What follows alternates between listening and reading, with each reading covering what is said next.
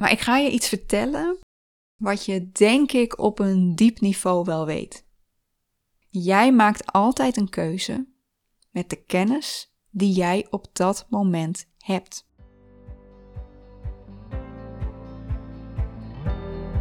Welkom. Je luistert naar Inner Essence, de podcast waar jij jouw ware zelf mag leren kennen. Voor een leven vanuit wie jij werkelijk bent. Welkom. Vandaag weer een korte boodschap van mij. En we gaan het nu hebben over het maken van keuzes en waarom je mag stoppen met jezelf daar schuldig over voelen. over het maken van keuzes, het nemen van beslissingen die achteraf gezien misschien niet het beste voor je waren.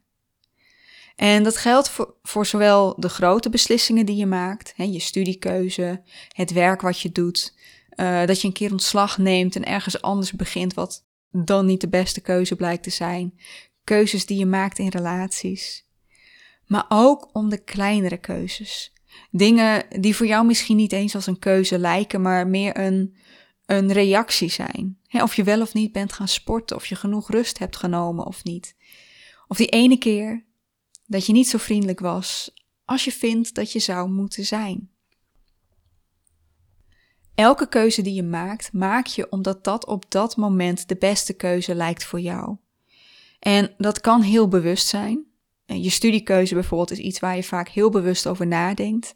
En je gaat kijken naar wat vind je interessant om te doen?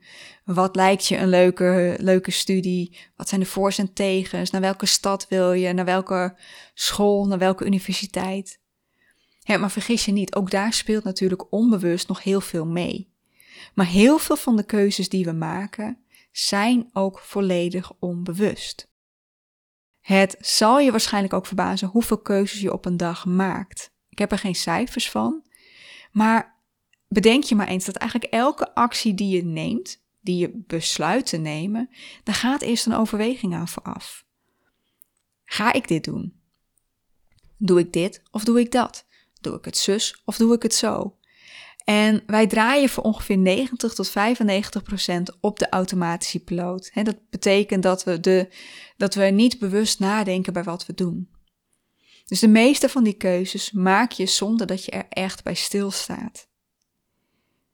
Maar zoals ik net al zei, elke keuze die je maakt, maak je omdat dat op dat moment voor jou de beste keuze lijkt. Jij kiest er niet voor om jezelf bewust te saboteren. Jij en jouw brein willen echt het beste voor jou. Dus ook als jij een avond hebt en je denkt, eigenlijk moet ik gaan sporten, maar ik wil Netflixen. En het wordt Netflix. Hè, iets, er is iets in jou, ook al, ook al neem je het jezelf kwalijk dat je niet bent gaan sporten. Er is iets in jou wat denkt of voelt dat het beter voor jou is om te ontspannen en te gaan Netflixen. Wil niet zeggen dat dat ook per se de beste keuze is, hè? We, nemen gewoon niet altijd de beste beslissing. Ons brein neemt niet altijd de beste beslissing.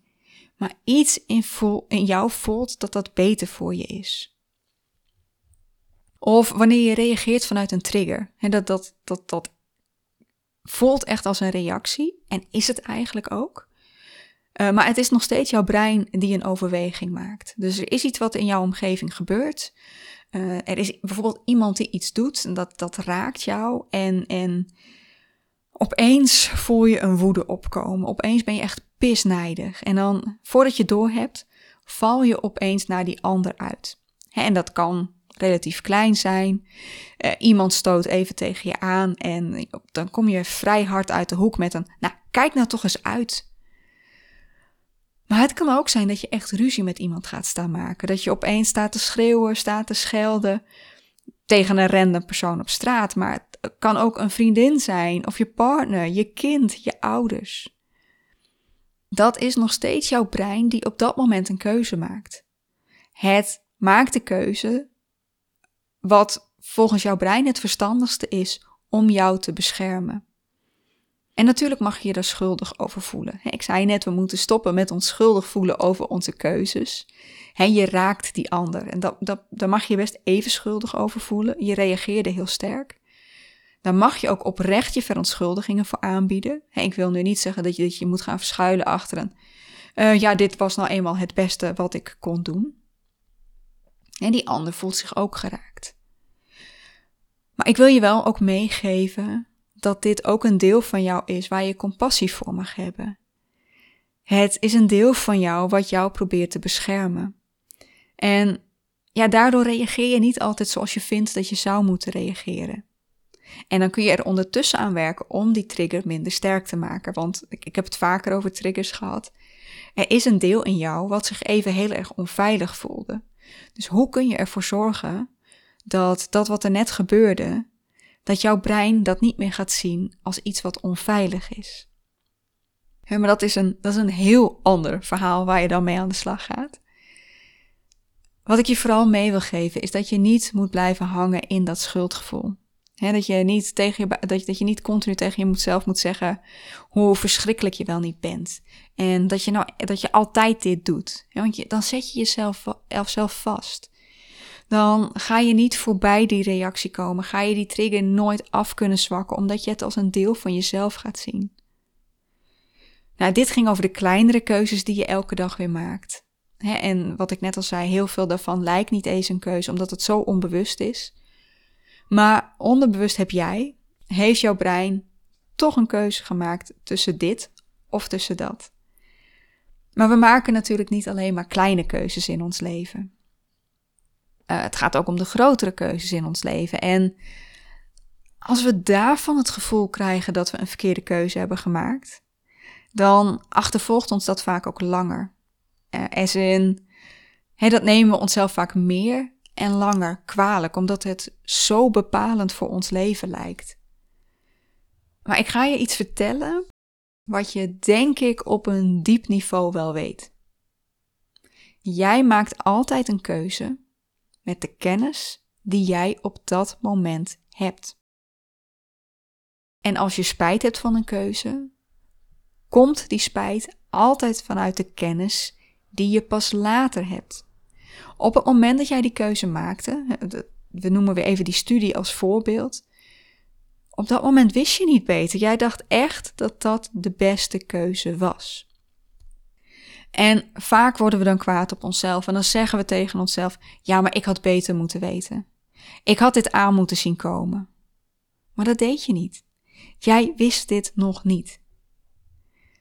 Dus jij mag stoppen met jezelf dat kwalijk nemen, met jezelf daar de schuld van geven. Jij hebt de keuze gemaakt in dat moment. En dat was op dat moment voor jou de beste keuze. En bedenk je ook dat keuzes meestal niet voor eeuwig zijn. Hè? Kijk, er zijn een aantal keuzes waar je eigenlijk niet op terug kunt komen. Ik denk bijvoorbeeld aan het krijgen van kinderen. Dat, dat is eentje, je, je zet je kinderen niet zomaar op straat. Maar de meeste keuzes kun je wel weer bijsturen. En je kunt altijd weer een nieuwe keuze maken, die jou wel weer terugbrengt bij wat je wil, of, of weer in de richting brengt van wat je wil. Of waar je weer gaat leren wat je niet wil. Laat daarom elke keuze die je maakt een les zijn. Een les waarmee je steeds meer leert over wat je wel en wat je niet wil. Over wie je wel en wie je niet bent. En soms betekent dat ook hands-on ervaring opdoen met dat wat je achteraf gezien helemaal niet blijkt te willen. Op dat moment maakte jij de keuze die het beste was voor jou. En dan ga ik als afsluiter helaas nog iets heel vervelends zeggen. Maar weet ook dat je zelfs met de kennis die jij nu hebt, nog steeds achteraf gezien verkeerde keuzes gaat maken. Want jij hebt nu een bepaalde dosis kennis en ervaring, maar die kennis en ervaring is niet volledig. Jij gaat nooit een volledige dosis kennis en ervaring hebben, waardoor je alleen nog maar goede besluiten gaat nemen. Dus met die kennis en ervaring die je nu hebt, ga jij beslissingen nemen. En na het maken van die keuze, en dat kan vlak na zijn, het kan jaren later zijn, heb jij nieuwe kennis en ervaring waarmee je dan achteraf gezien gaat denken: dit was niet de goede keuze? En dat gaan we ons hele leven blijven doen. En uh, ja, je gaat gewoon je hele leven keuzes blijven maken waar je mogelijk op een later moment spijt van gaat hebben. Maar zie dat als een les. Zie dat als een manier om jezelf steeds beter te leren kennen. Om steeds beter erachter te komen wat je wel en wat je niet wil. En weet dat een fout maken niet het einde van de wereld is.